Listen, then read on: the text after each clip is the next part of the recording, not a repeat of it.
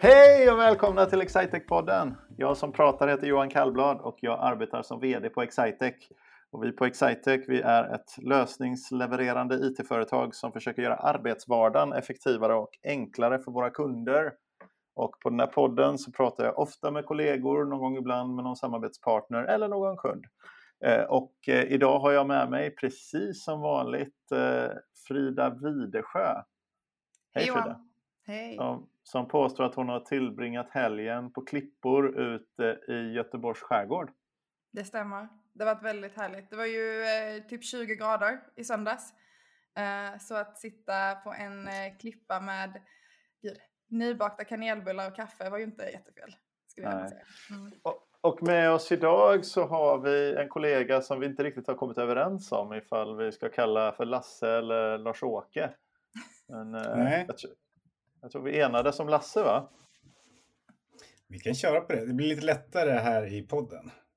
Får man leta upp mig på Lars-Åke om man vill veta vem jag är på LinkedIn och så. Mm. Välkommen! Tack så hjärtligt. Tack, tack. Kul att vara här. Kul att vara med i podden. Ja, men det är, det är kul. Det är spännande. Jag har ju lyssnat på några avsnitt. Eh, jag har blivit faktiskt stundom tagen över hur vältaliga alla, både ni och gäster har varit. Så det känns en extrem press och laddning. Faktiskt. Ex, eh, när, var, när var senaste gången du kände motsvarande press undrar jag? När, när du pratar om extrem press? Nej, men det, det var väl någon gång i tidig ungdomlig idrottskarriär som inte ledde någon vart. Men där man ändå kunde uppleva någon typ av, av att det fanns en press eh, som kanske inte riktigt existerade. Så, det är sällan man måste prestera. Alltså det är väl i vissa kundmöten som man känner att nu måste vi prestera. Men då, ja. Eh, för mig som har gjort det några år så är det ju så det är ju ofta att man gör olika variationer på det man har gjort tidigare, att det blir liksom lite, lite, lite bättre bara. Så det känns ju inte, man är ju sällan särskilt nervös i det. Hur, hur mycket har du poddat då innan? Alltså jag, ambitioner om poddar, alltså jag är ju en snart 40-årig eh, svensk man. Så att alltså ambitionerna om att starta egna poddar och så hur roliga de hade varit och hur, hur bra det hade gått, de har ju funnits. Men jag har aldrig någonsin poddat, såklart. Ah, okay. Så det är premiär. Då är, då är det ju första gången på riktigt. Mm. Jag hoppas att det ska bli en härlig upplevelse för dig då, så du inte behöver känna att det var en sån pressad situation i efterhand. Ja, men det, det känns tryggt så här långt. Så jag, mm. jag, jag är glad så här långt. Mm. Så, och vi var överens om Lasse, fast uh, skulle man hitta dig på LinkedIn så var det Lars-Åke som... Uh... Ja, uh, jag har ju faktiskt mitt namn till trots kopplat till min ålder då. Det är ett ganska ovanligt namn som jag tänker mig tidigt i min karriär eh, var ganska bra. För då när jag kunde ringa upp och presentera mig som Lars-Åke så kunde folk tro att jag var erfaren. Ah. Mm. Nu har jag ju fortfarande inte riktigt vuxit ikapp det, men jag har aldrig riktigt haft något smeknamn som har fastnat i fler, eller i mer än bara enstaka klickar.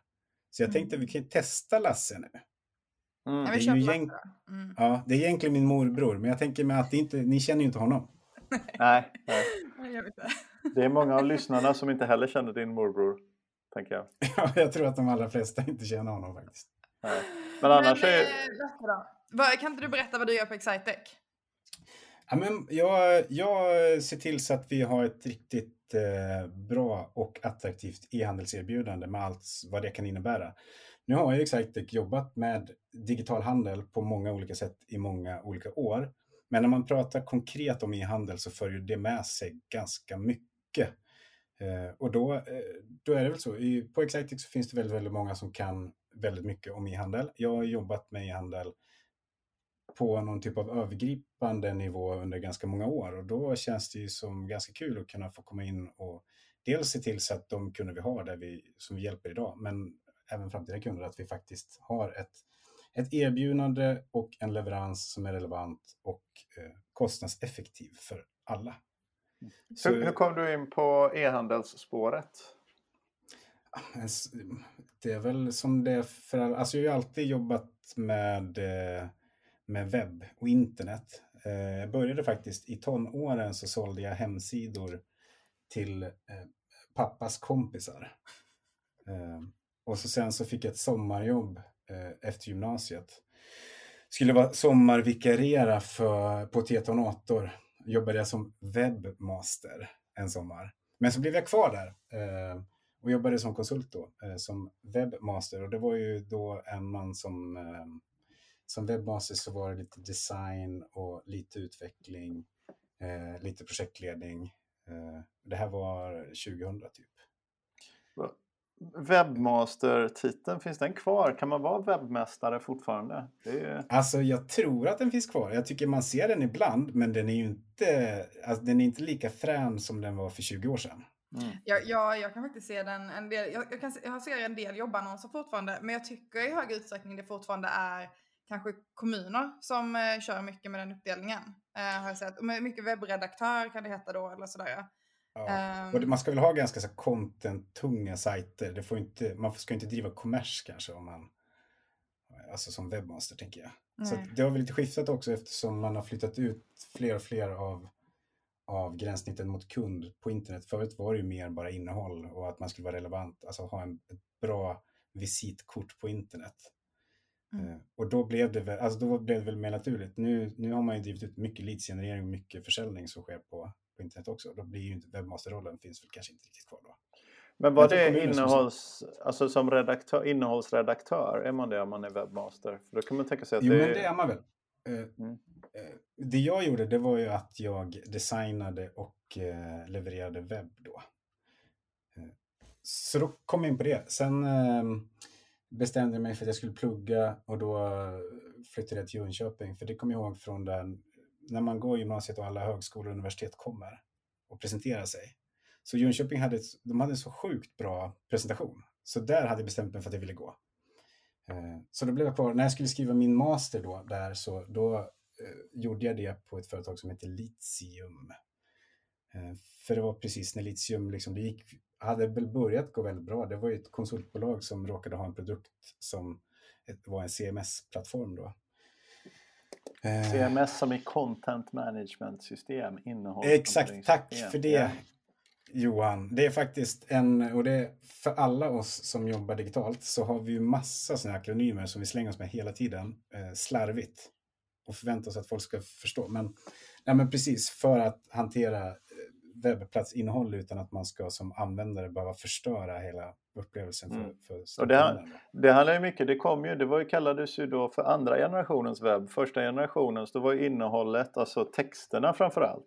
Då var ju de liksom inlagda i HTML, eh, alltså i, i själva språket som, man, mm. Eh, som webbläsarna använde för. Man blandade ju format och, och innehåll eh, ganska mycket. Men sen, och det var ju ett jobb i sig. Det gick ju att jobba som HTML-konsult till exempel. Mm. Men det har jag gjort också. Ja, men sen så skilde man, det har vi alla, sen så skilde man ju innehållet från eh, eh, alltså det textuella från det grafiska och få dem, och det var ju det man hade sådana där content management eh, system till egentligen. Mm. Det är ju ganska smart. Mm. Verkligen. Ja, men det är en förenkling och nu den marknaden har ju senaste åren så har det ju hänt igen att den har börjat lite så här på nytt födas. kommit mycket nya smartare typer av content management system som ser jättespännande ut. Jag har inte jobbat med så många av dem. Nu sitter jag och kollar på ett som heter Pir Piranha, eller Piraya då, eh, svenskt ganska lättvikts CMS som jag kan tipsa om för bara för att det verkar kul och de verkar ha tänkt till där.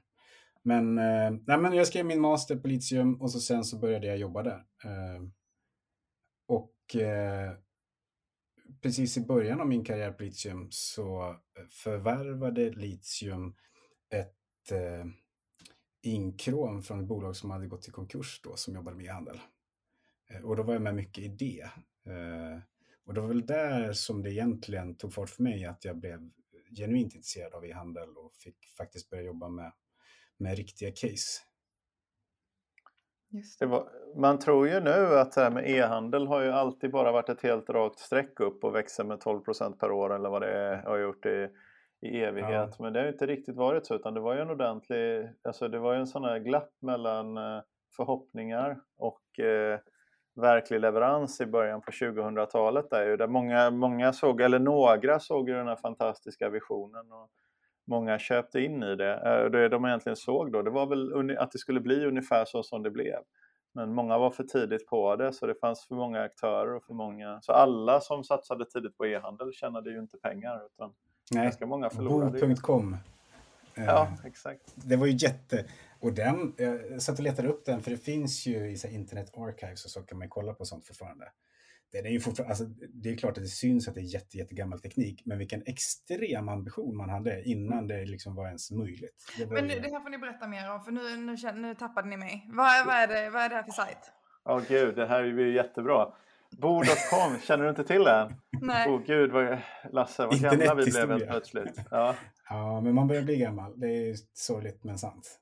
men, men tänk, eh, tänk Zalando eller, eller om man tar Sverige egentligen, Care of Carl. Det var alltså ett, ett kläd... Eh, de hade idén att de skulle sälja kläder på internet. Det var väl några gamla, var det kanske Bokus eller Adlibris-grundare, några sådana här bokhandelspionjärer som tog sina pengar och hade gjort en bra, en bra lokalsajt och blivit rimligt framgångsrika och sålt sitt bolag.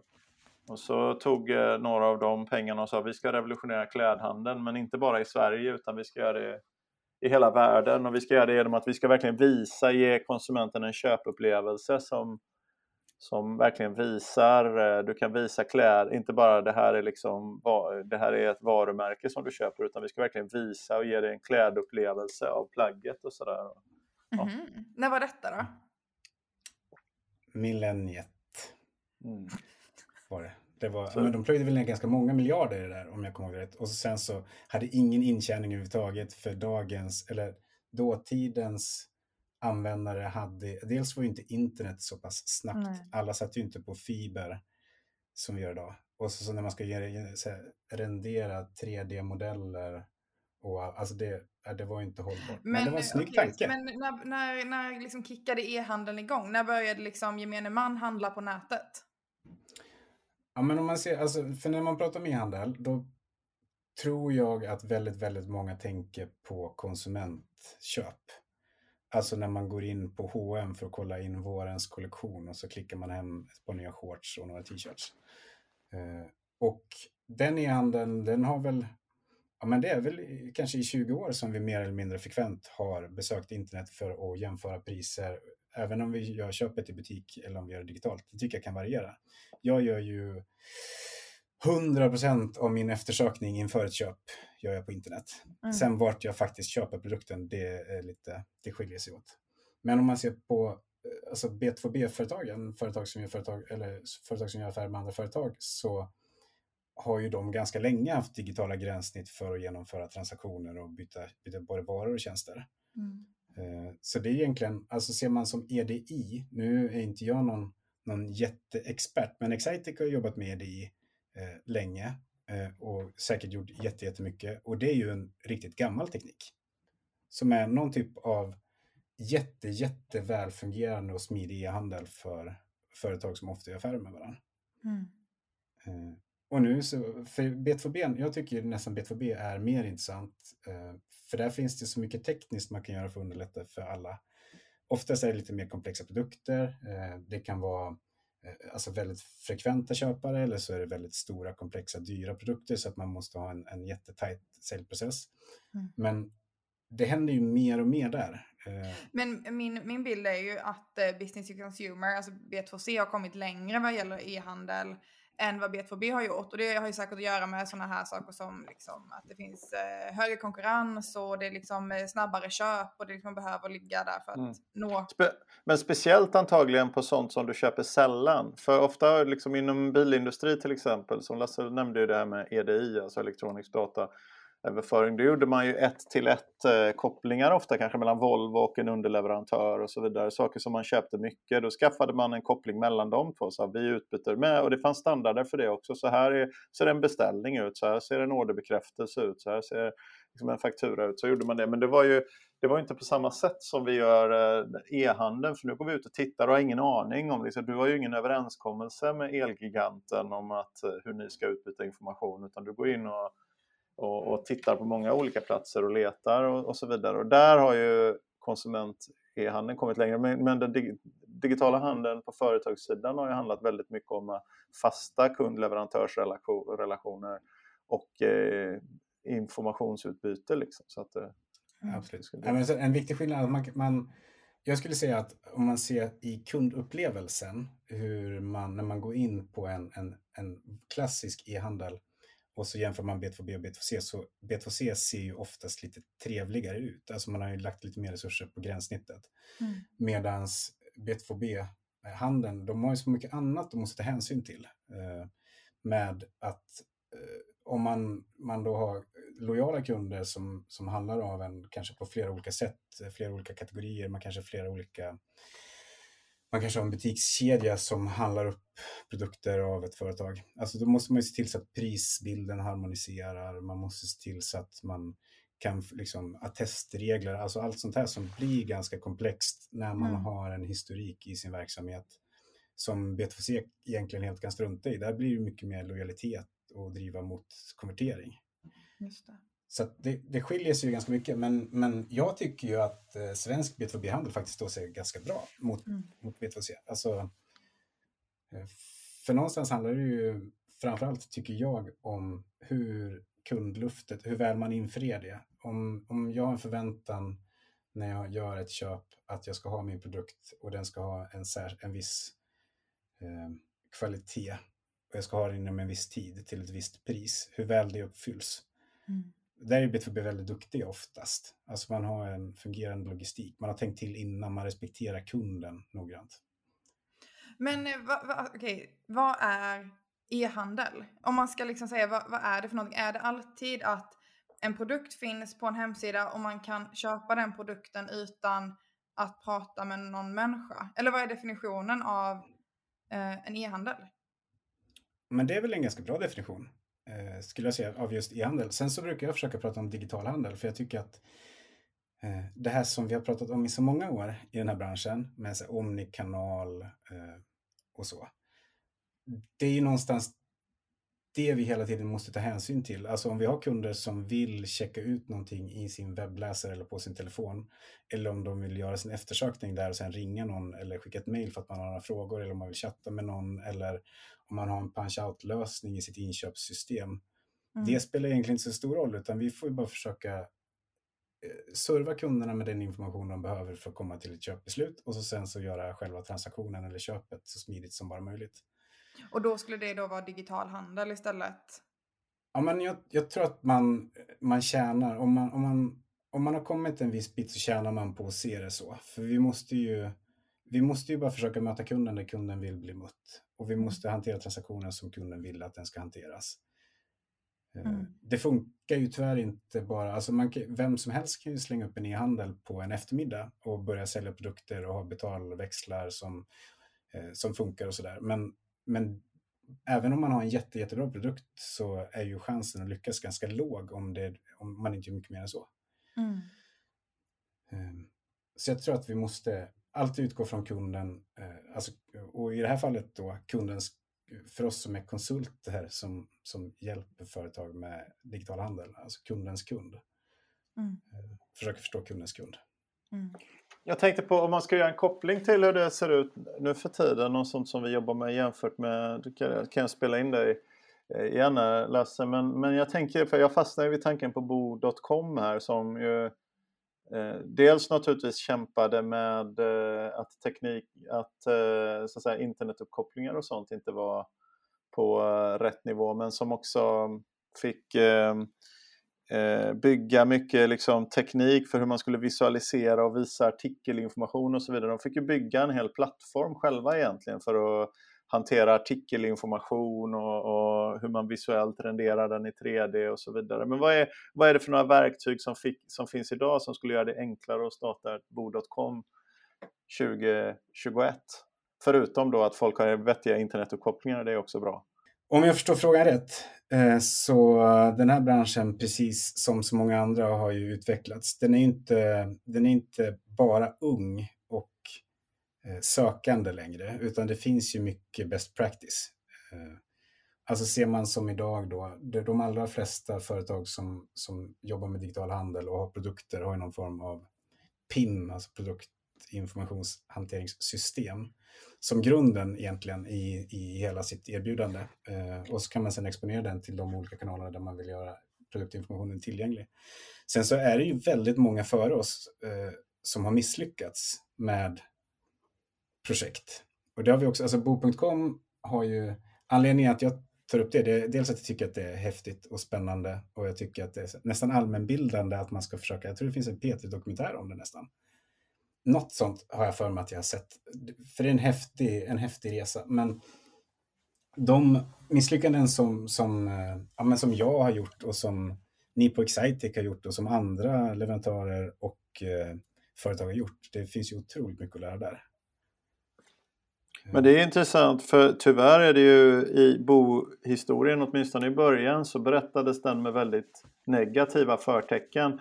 För att de tog in ganska många miljarder och gjorde vidlyftiga satsningar. Men samtidigt, det var ju några som gjorde det några år senare som sen lyckades. Och det är ju de rikaste människorna på planeten jorden. Så att det är väl mm. ganska mm liksom, är, går man väldigt tidigt så är det ju high risk, high reward. Jag tycker de har fått onödigt mycket skit för att de misslyckades. Ju, Absolut. Eh, faktiskt. Men ett produkt, så du börjar din rekommendation, om du har mycket artiklar då, du är ett artikelförande företag, då ska du börja med ett produktinformationssystem. Vad gör ja. ett sånt? Nej men det är ju ett, ett smart, bra register som skapar någon typ av uh, få hitta rätt ord. Nej, men det, är ju, det är ju ett bra sätt att kategorisera, kate, katalogisera eh, ett företags erbjudande. Det är lättast att prata om produkter. Tjänsteföretag har kommit betydligt kortare i digitalisering. Jag ser ju fortfarande som att Excitec till exempel har en jättemöjlighet i att börja digitalisera försäljningen av sina tjänster. Men vi är inte till 100% där än. Eh, men då får man in all produktinformation, eh, allt, allt som rör alla produkter i ett och samma system. Hur, mm. Alltså vad de har för relationer till varandra, vilka specifika attribut de har, vilka bilder man vill koppla på. Eh, hur produktkategoriseringen ser ut. Eh, allt sånt mm. som, som kan vara stökigt. Och det tror jag också man kan kolla. I Sverige är vi ju inte så otroligt duktiga på produktinformation. Eh, om det inte är matvaror, där är vi jätteduktiga. Men om man kollar på till exempel hur de jobbar i Kina, där har de ju så extremt mycket produktinformation. Eh, för där säljs ju allt, åtminstone, eller det allra mesta säljs ju via deras marknadsplatser där. Mm. Så där är konsumenten extremt van vid att kunna jämföra produkter på detaljnivå. Eh, och det är ju också, för det är ju jättespännande, det är, det är en möjlighet för väldigt många, framförallt varumärken i Sverige, att börja sälja i Kina. För det är ju en extrem marknad där insteget kan vara ganska kort, men då måste man ha ett jättebra PIM i grunden så man har koll på all sin produktdata och har jättemycket information. Men så om man är ett bolag som har någon typ av produkt på något sätt och man i dagsläget kanske då har den informationen i ett ERP, då ja. skulle steget vara att man behöver ett PIM. Exakt. Ett ERP, Ja, ett ERP, eh, att, alltså affärssystem generellt, de är ju inte byggda för att hantera marknadsinformation eh, eller kundinformation, säljinformation, utan de är byggda för att hålla det mest grundläggande om en artikel. Vad är för artikelnummer? Den, mm. Vanligtvis så föds ju en, en, produkt där, en produkt i affärssystemet. Mm. Men sen när man ska klä den och göra den säljbar så behöver man någonting mer. Och då, mm. då är ju ett PIM ett jätte jättebra verktyg. Men, men de kan ju, affärssystemet kan ju i bästa fall ha storlek och vikt och sånt där. Men du har ju sällan vackra säljande bilder utan det handlar mer om kvantiteter. Däremot det som affärssystemet är otroligt bra på det är ju att ta reda på exakt hur mycket har det kostat oss att få hem exakt det. Vad exakt har vi i vårt lager? Hur mycket mm. exakt har det kostat att få hem det? Hur mycket, hur mycket liksom transportkostnader har vi haft på det här? Hur mycket tullar har vi betalat? Hur mycket Alltså man har ju ofta extremt väl koll på de ekonomiska aspekterna. Vad måste vi sälja den här för för att få en rimlig lönsamhet? Det är ju, ekonomin är affärssystemet bra på. Mm. Och, och att man har dem. Medan pimmen är ju massa, det kan jag också tycka när man är ute faktiskt i en butik, så jag vet inte om ni tänkt på det här, men ibland så ligger produkter som man vill kika på förpackade i förpackningar där man inte ser hur de ser ut i verkligheten. Mm. Eh, och det är också, det är inte ovanligt att man står i i en butik och tittar på en e-handelsplats med artikelinformation för att förstå vad produkten man håller i handen fysiskt, hur den egentligen är. Mm. Det är ganska intressant. Det säger någonting om hur bra PIM-systemen är. De är alltså PIM, ett riktigt bra, har du riktigt bra information i ditt PIM, då kanske du har bättre visuell artikelinformation där än vad, än vad du har när du håller den fysiskt i handen. Absolut. Ja, men där, man, där, det är en rät linje mellan hur bra PIM-data man har som företag eh, och hur mycket man säljer. Det finns ju en direkt koppling där. Så man... slutsatsen av ett PIM är alltså idag i dagens e-handelslandskap, digital handel, så räcker det inte att ha liksom en produktbild och tänka att man ska sälja på det, utan att det behöver vara olika typer av bilder och väldigt tydligt hur den här produkten ser ut och det också kan gynna den fysiska handeln då. Absolut. Mm. Absolut. Och liksom vad den har för specifikationer när man, man ska köpa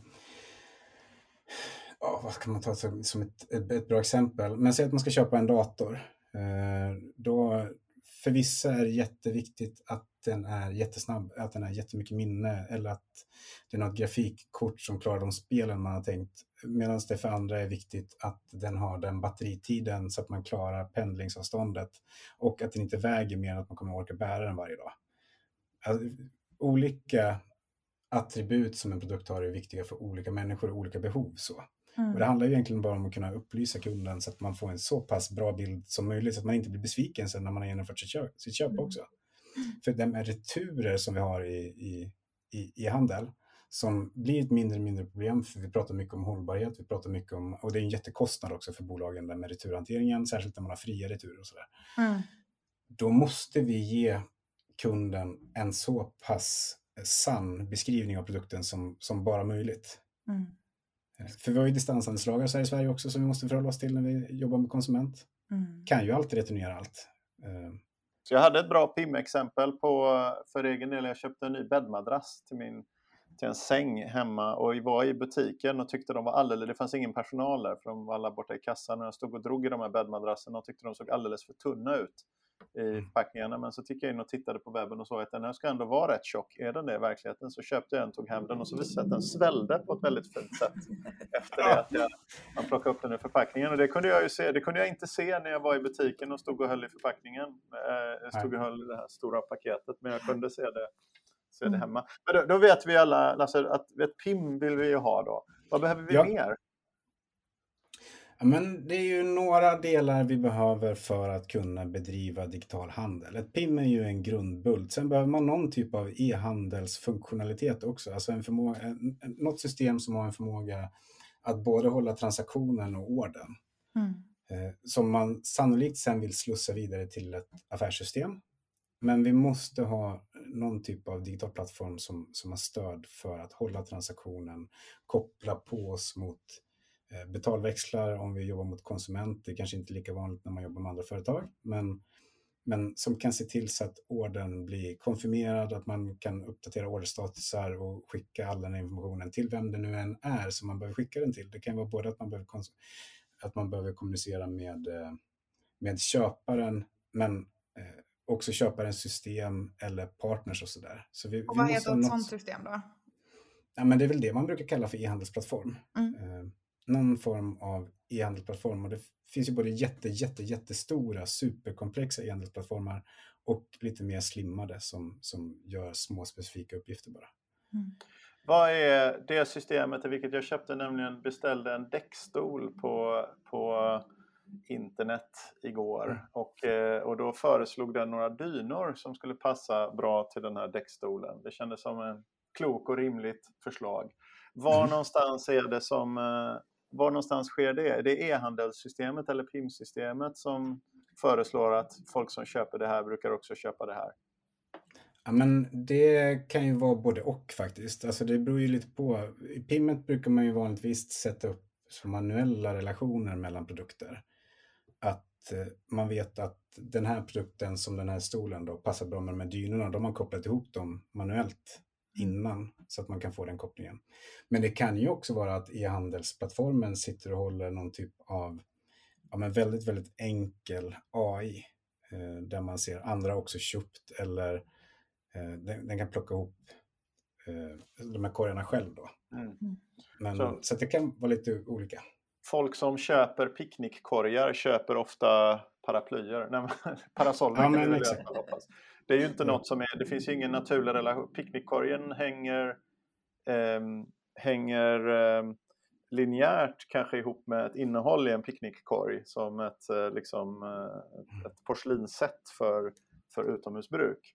Men den mm. hänger inte ihop med eh, en parasoll utan det är tillämpningen av, och en, en filt. Det är tillämpningen när jag som gör att många kan agera på samma sätt och tänka på samma sätt. Mm. Eh, men, men vad, vad, mer gör, vad sa du, betalningen eh, håller du reda på i, i ditt e-handelssystem? Vad mer gör ja, men, eh, Jo, men i någon mån måste vi ju hantera transaktionen också. Eh, vanligtvis, pratar man B2B så sker de flesta transaktionerna helt i ERP, affärssystemet. Och så sen så slussar vi bara upp information så vi vet statusar och kan återkoppla till kund och sådär. Eh, men det är ju nästan, alltså all, nästan alla företag jobbar ju med faktur, alltså interna fakturatjänster bara. Annars har vi någon typ av betalväxel, alltså någon, någon, någon inlösande bank och någon eh, betalväxel som hanterar alla så populära. Klarna är väl den mest populära i Sverige om man mm. pratar konsument. Eh, men det finns ju väldigt, väldigt många som gör, jobbar på ett liknande sätt som, som Klarna. Eh, och då behöver man ju ha något system som håller kopplingen till Klarna så att Klarna kan kommunicera att nu har vi genomfört det här köpet, nu är vi redo att släppa igenom orden.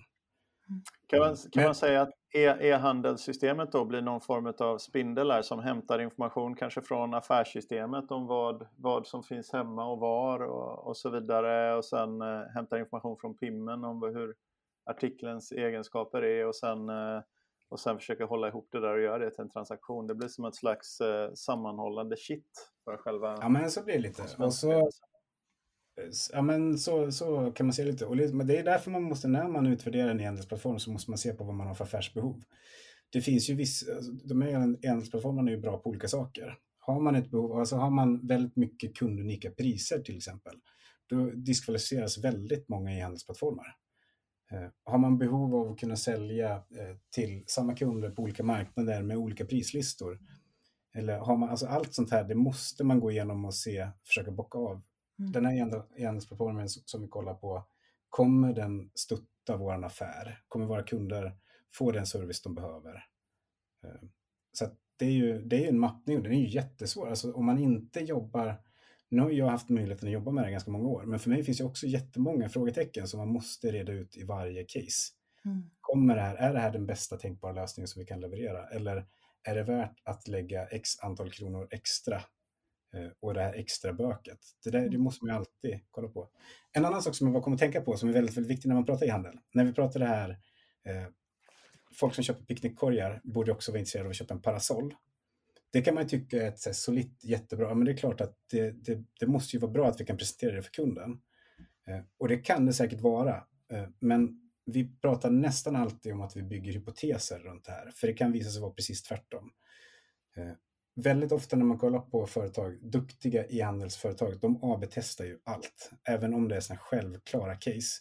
Och det finns ju en anledning till det. Det är för att mycket, för mycket information stör oss i köpbeslutet och då kanske vi blir avskräckta och så lämnar vi varukorgen istället för att tänka mm. kom tillbaka. Eh, det kan ja, det finns massa olika invändningar eh, så vi måste se till att testa allt från smått till litet. Det är omöjligt att göra med allt, eh, jag vet, men i en idealsituation så skulle allt AB-testas alltid för då skulle vi få absolut bäst resultat. Mm. Så man ska vara försiktig när man bara adderar funktionalitet för det kan störa mycket också. Mm. Verkligen. Men vad heter det, nu har vi ju dykt ner i eh, många olika system och eh, förkortningar. Ska vi bara liksom sammanfatta vilka förkortningar och eh, system man bör ha koll på när det gäller e-handel? Vi har PIM som vi varit inne på, produktkatalogisering. Vi har EDI som var dataöverföring. Yes. Vi har ERP, känt sedan innan, affärssystem. Det kan ju alla. vi har CMS har vi varit inne på. Ja. Content Management System. Ska, vad, vad har vi mer? Ska vi slänga in CRM? ja, CRM alltså. Jag tycker nu på Excitec så alltså CRM och e-handel eh, som är två erbjudanden inom Excitec-portföljen, de är ju Alltså de, de har ju otroligt mycket med varandra att göra. Det är ju för nästan alla företag så föregår ju ett köp av någon typ av prospektering, leadsgenerering. Alltså köpresan ser ju likadan ut nästan oavsett vad man säljer. Den, är bara, den innehåller lite olika detaljer. så. Mm. Men en, ett, även om man jobbar med, som, med bara en e-handel eh, som, eh, e-handel som enda kanal och man är jätteduktig på det så behöver man ju ha ett bra CRM bakom. Mm. Verkligen. Så att är jätte, jätterelevant. Men jag skulle säga det, det viktigaste när man ska bygga och underhålla en bra e-handel, det är att man har bra människor som man jobbar med. För ingen kan allt. Man, mm. Det finns väldigt, väldigt många som försöker göra allting själva. Det blir oftast bara dyrare och lite sämre. Man ska försöka ta hjälp så mycket man kan. Och så, som tur är så finns det ju sådana som jag. Det finns ju folk som, som är mycket duktigare än mig på varje enskild del. Men jag kan vara ganska duktig på att veta ungefär hur saker förhåller sig, ungefär vem som vet mm. mer också. Just det. Så det skulle jag nästan säga är det viktigaste. Det, det, det är inte så särskilt svårt att börja sälja eh, digitalt. Mm. Det är nästan alltid lönsamt och bra. Eh, det är bara att börja. Eh, inte försöka kanske ta det jätte... Nu blir det ju så när vi pratar om de olika beståndsdelarna av en digital handel, så om man inte är framme där än, mm. om allt är nytt, då kan det kanske te sig övermäktigt. Men det mm. behöver absolut inte vara. Man kan börja bara med att försöka få en struktur i sin produktinformation, eh, skulle jag säga. Det brukar oftast vara första steget. När man kollar på den här e-handelstrappan, då bruk, förr, då pratade vi om det här visitkort på webben, produktkatalog och sen e-handel. Och det, är väl, det gäller väl fortfarande. Mm. Just det. du, du var ju med i B2B-dagen förra veckan ja. med ja. ett väldigt omtyckt e-handelswebinar för business to business. Var det de här lärdomarna man får med sig från eh, det webbinariet? Eh, ja, men eh, jag tycker att man ska kolla på det om man inte har gjort det ännu. Men där har jag med mig Pelle som eh, är vd på OmniArch som eh, jobbar lite mer med eh, alltså de är ju rena e-handelsexperter och kan sätta in interimsteam för att driva e-handel snarare än bygga tekniken så mycket som, mm. som vi gör. Men ja, men det kan man säga. Alltså börja smått, börja, kör. Det kan man säga är väl det främsta. Men ni är inne på lite det här med trender kring e-handel också och eh, live shopping var ju ja. eh, på tapeten. Ja, Nej, men det, det är väl, eh, jag kommer inte ihåg vem det var jag pratade med, med det om. Eh, jo, det var en kompis kompis som ringde mig förra veckan som de jobbar jättemycket med eh, tv-shop i Tyskland. För i Tyskland är fortfarande tv-shop väldigt stort. Men man ser också att det här live-shopping-trenden som kommer komma till Sverige alltså när som helst. Det är där man kommer hoppa på för att stärka sin marknad i Sverige. Då. Men vad, vad var det? Var det när man kollar på tv så kan man shoppa det typ folk har på sig samtidigt? Ja, men i, i, det är ju störst i Kina än så länge. Och jag ska vara ärlig, jag har inte 100% koll på det här, men som jag har förstått det då så är det ju typ då influencers som lägger upp videos med produkter som använder. De exemplen jag har sett det är när jag har varit på sådana här Kina Kina-konferenser och så har man pratat om mycket kosmetika där man har influencers som visar upp ett nagellack på en video och så får de 30 miljoner likes och så sen så säljer de 2 miljarder nagellack närmsta 30 minuterna. Så att alla som jobbar på nagellacksfabriken får jobba 28 skift, men det funkar i Kina då. Eh, Ja, kan man tycka olika saker om. Då ska men... vi försöka se vad, vad, vad, business to business ska göra med den informationen. ja, nej, men vad ser man nu? Det väl, har väl redan börjat komma på Netflix, eh, om jag inte missminner mig helt, att man kan se produkter i deras produktioner som de sen hänvisar till. Mm -hmm. Eh, Inga, jag, jag, det, låter ju som sådana saker man möter på sociala medier nu, liksom Instagram och alla de här plattformarna. Där det liksom är bara att swipa upp och så är man vidare till att köpa direkt. Mm. Men intressant att se när det kommer till mer produktioner då, som typ Netflix. Ja. Mm. ja, men jag tänker med det är väl ett jättebra sätt för många företag att uh, marknadsföra sina produkter och för produktioner att få uh, finansiering. Mm. Men jag, jag, tror det är intressant ändå, men om man blir överväldigad som eh, om man driver någon business to business verksamhet och så blir man överväldigad så ska man ändå ha klart för sig att det är ganska mycket saker som inte är annorlunda. Liksom att ha en effektiv supply chain, att ha rätt sortiment, alltså få sina grejer rätt, att kunna ha en effektiv och billigt handhavande utav ordrar, att kunna liksom kommunicera med kunden, kanske vid olika gränser. Dels standardiserat, men det finns ju också en ärendehanteringstyp av kommunikation. Man undrar, jag undrar specifikt över min order här. Det har, inte, det har inte blivit så att frågorna om en beställning upphör bara för att man gjorde beställningen i ett digitalt gränssnitt. Då. Så det är väldigt mm. många saker som, och det är inte säkert att den som var först på att göra en vacker, eh, liksom estetiskt tilltalande handelsplats är den som är bäst på att hantera det där under ytan. Så jag tror sju av tio saker är ju ändå samma. Eh, mm. Om man var duktig på analog handel så kan man ju bli duktig på digital handel. Verkligen. Ja, man har ju jättefördel om man, om man redan är duktig på, och som du är inne på, supply chain-delen som är en utmaning för jättemånga bolag som inte har den historiken som många av de här fina B2B-aktörerna som inte tagit steget har. Eh, det är ju en jätteutmaning för många.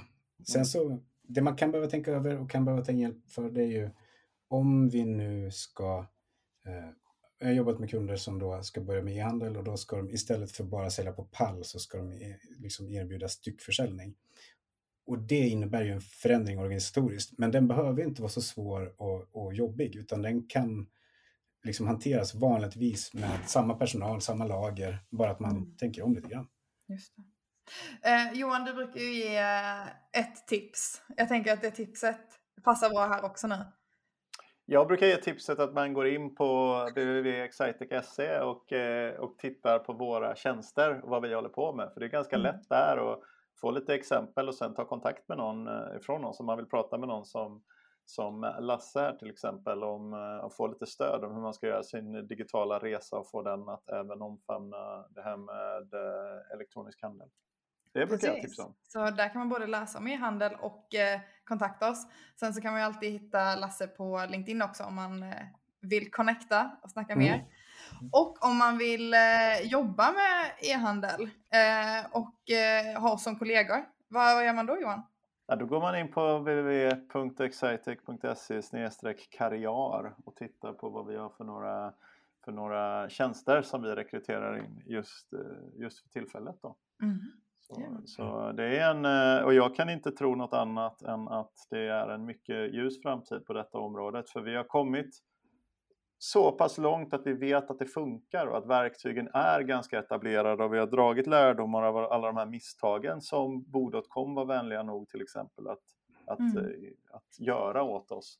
Så man har gjort många av misstagen och man har sett mycket lärdomar och verktygen som man använder har blivit bättre. Men vi har kommit en väldigt kort del av vägen om man tittar på hela vägen till, till målet. Så det är nog en fantastiskt bra tid att börja arbeta med detta på ett strukturerat eh, sätt mot eh, till exempel mot våra kunder. Verkligen. Det här har ju varit en e-handels specialpodd där vi inte ens har hunnit gå in på att prata om vår allas favoritprodukt litium. Men information om litium hittar man ju på vår hemsida. Så att eh, om man är sugen på att läsa mer om den så hittar man den där. Um, men eh, med det sagt då, tack så jättemycket Lasse för att eh, du gästade podden och eh, i nästa vecka så fortsätter vi med vår eh, konsultprogrammet special där vi träffar fler konsultprogrammet kollegor. Så tack så jättemycket. Men tack Frida Johan, det var ju superkul